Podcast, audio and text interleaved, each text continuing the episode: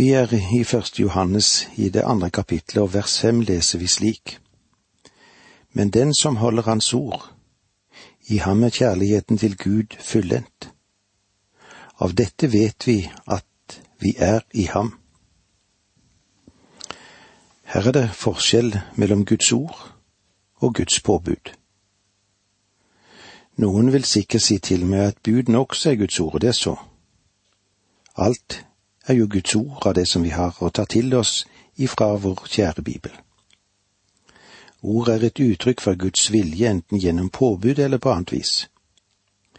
I Guds ord har du Hans fullstendige åpenbaring til oss om Hans vilje for våre liv. I Johannes evangeliet det 14. kapittel og vers 15 der sa Herren det følgende. Dersom dere elsker meg, holder dere mine bud. Og i de 23. verset sa han, Den som elsker meg, vil holde fast på mitt ord. Og så blir spørsmålet vårt, hva er forskjellen her? La meg få lov til å illustrere dette lite grann. Sett at det i et hjem er en ung gutt.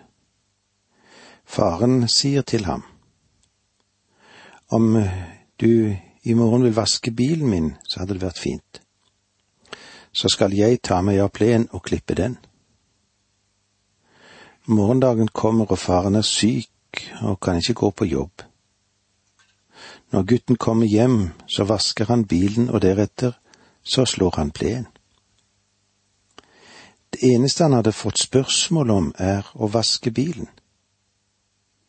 Men fordi han vet at far er syk og ikke kjenner seg i stand til å eh, gjøre den oppgaven som han hadde tenkt seg, så vasker han ikke bare bilen, han slår plenen også. Han vasker bilen fordi han var bedt om å gjøre det, men han slår også plenen fordi han er så glad i faren sin. Det er på samme måte at Gud forholder seg til sine barn. Et Guds barn som ikke bare ønsker å lyde Guds påbud, han ønsker også å adlyde Guds ord. Han ønsker å behage sin far i alt han gjør. Av og til har jeg inntrykk av at mange mennesker ønsker å leve så likt som mulig i den ufrelste verden, og fremdeles være kristne. Det riktige spørsmålet er å stille da kanskje, hvor lite kan jeg slippe med? Men det er dette, hva kan jeg gjøre for å behage min himmelske Far, som skulle komme frem? Du skjønner at et ærlig Guds barn ønsker å leve Gud til behag. Han behøver da ikke å leve i kristenlivets ytterkant. Det er mange kristne som i dag føler at de må være så tolerante, så vidsynte. De er imot brennevin, men et glass vin i skjønnhet, det gir dem en følelse av å være vidsynt. Og selvfølgelig, de synes vel at de er svært så trangsynte i skjæret. Vel, her er det ikke spørsmål om ting er rett eller galt. Jeg håper at du nå har løftet deg fra dette nivået. Spørsmålet er, behager dette min himmelske Far? Jeg ønsker å gjøre det som kan være ham til behag. Jeg ønsker å gjøre det som gleder hans hjerte, og det som styrker fellesskapet mellom oss, og det som stimulerer gleden i mitt eget liv. Og alt dette forstår du skjer på grunnlag av kjærligheten. Dere elsker meg, og dere holder mine bud og den som elsker meg vil holde fast på mitt ord. Om du elsker ham, så vil du gjøre mer enn å holde hans bud. I hele bredden vil du prøve å leve åpent for hans åsyn. Jeg har en følelse av, ikke bare overfor andre, men også overfor meg selv, at vi i vår tenkning er mye mer opptatt av gjerningssynd en unnlatelsessynd. Jakob sa det på denne måten i sitt fjerde kapittel, vers 17. Den som vet å gjøre godt, men ikke gjør det, han har synd av det. Det er mange ting jeg vet jeg burde gjøre, men jeg overser dem. Hva er dette for noe? Det er unnlatelsessynder. Og Bibelen gir oss ikke noe skille mellom grovheten i gjerningssynd og i unnlatelsessynder. De er på samme nivå, de. Vers fem som vi leste, er meget viktig, og la oss gjenta det. Men den som holder Hans ord, i ham er kjærligheten til Gud fullendt. Av dette vet vi at vi er i ham. Når Guds kjærlighet er fullendt i deg, så betyr det at du har passert påbudene, og din hjerteslengsel er bare å behage Gud. Jeg vil foreslå at du ransaker deg selv litt, hvordan din holdning til ditt forhold til synden er. Bekymrer dette deg? Bryter den ned ditt fellesskap med Faderen? Får den deg til å rope ut i natten, Å Gud, jeg har feil, og jeg ønsker å bekjenne det gale jeg har gjort. Jeg ønsker å eie fellesskap med deg fremfor noe annet som finnes i denne verden. På det grunnlaget vil Gud gjenopprette fellesskap med oss, og vissheten om vår frelse flyter inn i vårt hjerte. I vers seks leser vi slik. Den som sier at han er i ham, må leve slik Jesus levde. Vi kan verken gjøre eller være alt det den Herre Jesus gjorde, eller det han var. Men eh, om vi setter vårt hjerte i å gjøre vår Fars vilje, som var det den Herre Jesus satte fremst i sitt liv, da vandrer vi på samme måte som han vandret. Ordet innvielse, hva sier det til deg? Vi møter det jo i en del sammenheng i kristne møter og i våre dager der de kristne inn, er samlet innvielse. I en møtesammenheng kan det komme appell fra taleren om å innvie seg selv. Og hva menes nå med dette? Vel, la meg få si deg hva Johannes mener med full innvielse det er å elske Kristus. Og hvis du elsker Kristus, så vil du holde Hans ord. Du kan ikke hjelpe for det. Din hjertes lengsel er det å være til behag for det mennesket som du elsker. Du ønsker ikke å støte det mennesket som du har kjærlighet til, du ønsker å behage det og det er grunnen til at jeg av og til, om enn for en sjelden gang, kjøper noen blomster hjem til kona mi. Du skjønner at spørsmålet er egentlig ikke er du innviet til Kristus, spørsmålet er elsker du Kristus? Vers syv Mine kjære, det er ikke et nytt bud jeg skriver til dere, men et gammelt, et bud dere har hatt fra begynnelsen av. Dette gamle bud er det ord dere har hørt. Et gammelt, et bud dere har hatt fra begynnelsen. Fra begynnelsen? Vel, fra begynnelsen i første Johannes er det Kristi inkarnasjon. Det vil si at han ble menneske. Det begynte i Betlehem. Det arbeidet seg gjennom en rekke år i et tømmermannshjem og verksted, og i tre års offentlig tjeneste. Det bud dere har hatt fra begynnelsen, var det den Herre Jesus ga til sine disipler da han var sammen med dem på jorden, og som han gjentok mange ganger. Og han har gjentatt det for deg gang etter gang. Det var så langt vi kom i dag. Takk for nå, må Gud være med deg. Dette undervisningsprogrammet består av to deler. Åge Nevland fortsetter nå med andre del av dagens undervisning. Vi er i det første brevet til Johannes, vi er i det andre kapitlet, og eh, vi ser på dette som har med det budskapet et gammelt ord er som nytt. Eller slik som vi leser det i vers syv. Mine kjære, det er ikke et nytt bud jeg skriver til dere, men et gammelt, et bud dere har hatt fra begynnelsen av. Dette gamle bud er det ord dere har hørt. Kristi bud, slik som vi òg finner det i det tredje verset i dette kapitlet. Det som viser oss om vi har lært Gud å kjenne, er om vi holder Hans bud. Hvordan er det med oss? Det er ikke nytt i den betydning at det ikke er kjent fra før. For det var kunngjort fra begynnelsen av, som vi òg leser i det første verset i kapittel én. Det som var fra begynnelsen, det vi har hørt, det vi har sett med våre øyne, det vi så og våre hender tok på, om det bærer vi bud om livets ord. Samtidig er det nytt, for det oppfylles bare i frelsens fornyelse, det, og det må skje hvert enkelt menneske som tror, ved samfunnet med Jesus, han som er det sanne lys. I Johannesevangeliet i det trettende kapitlet, i versene 34 og 35, leser vi Et nytt bud gir jeg dere. Dere skal elske hverandre. Som jeg har elsket dere, skal dere elske hverandre. Har dere kjærlighet til hverandre, da skal alle kunne se at dere er mine disipler.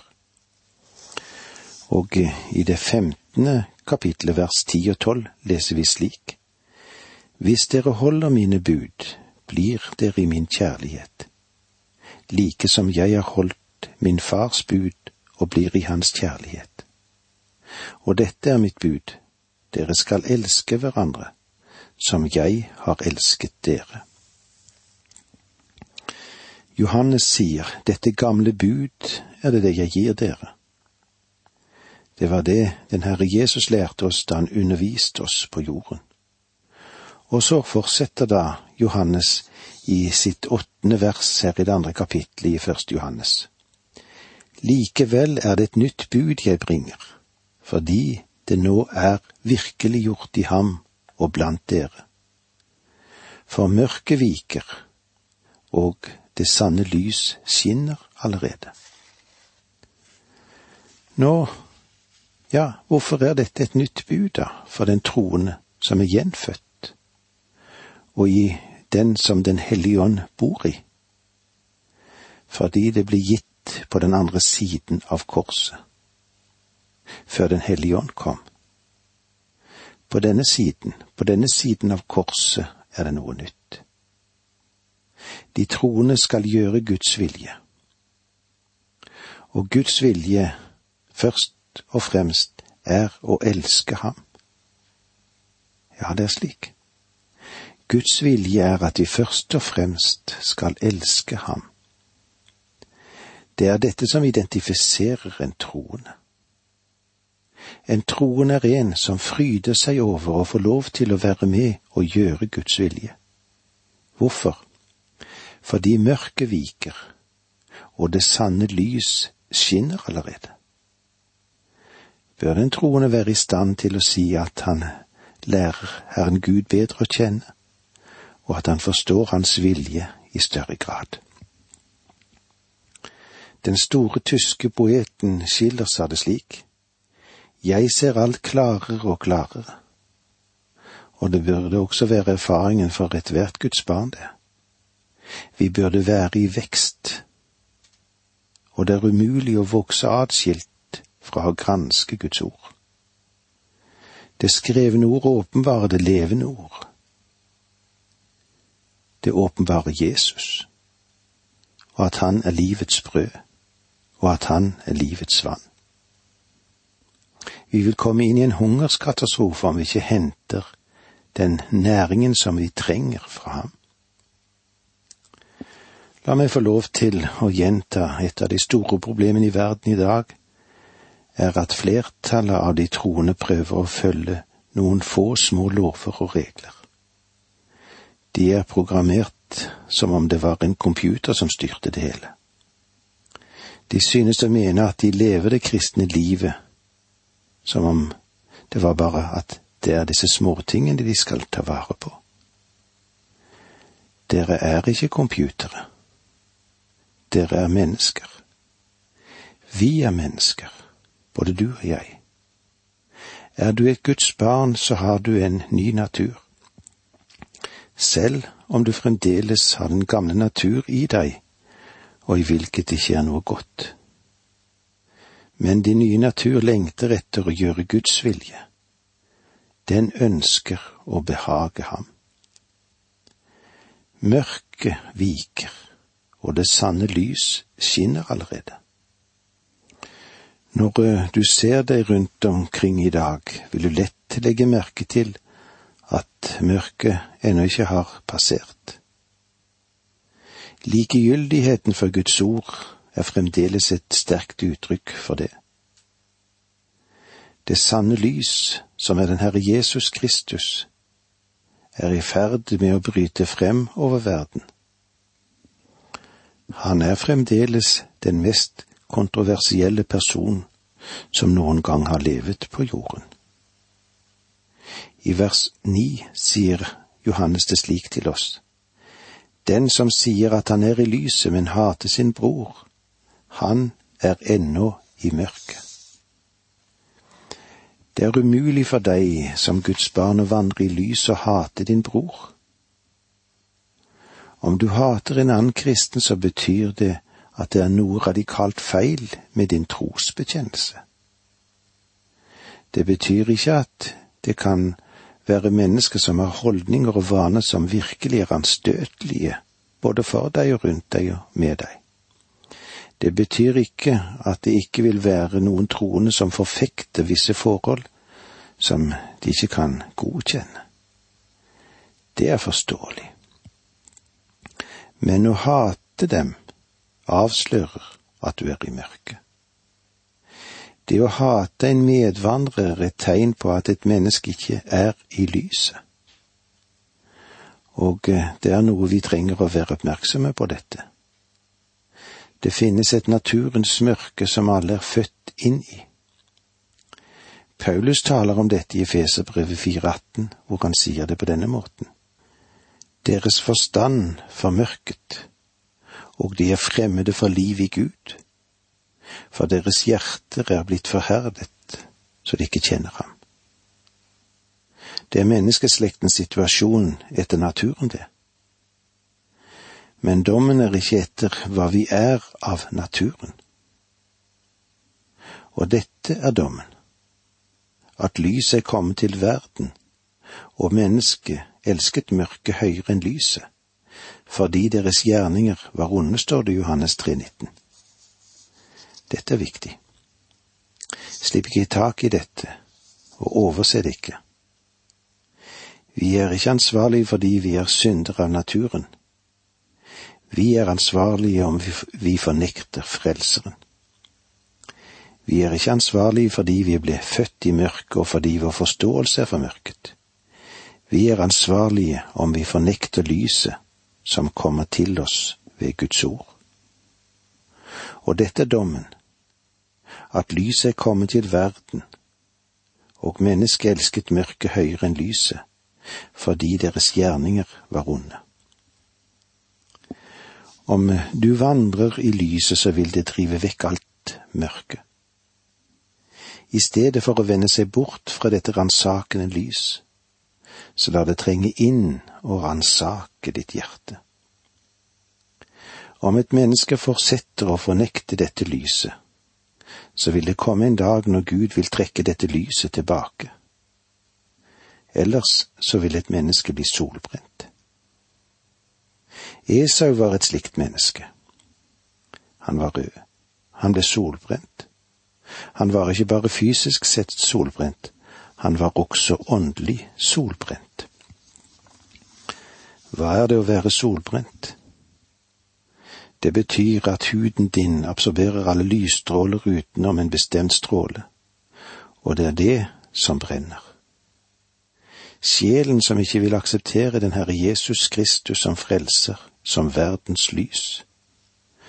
den vil bli solbrent, slik Esau ble det.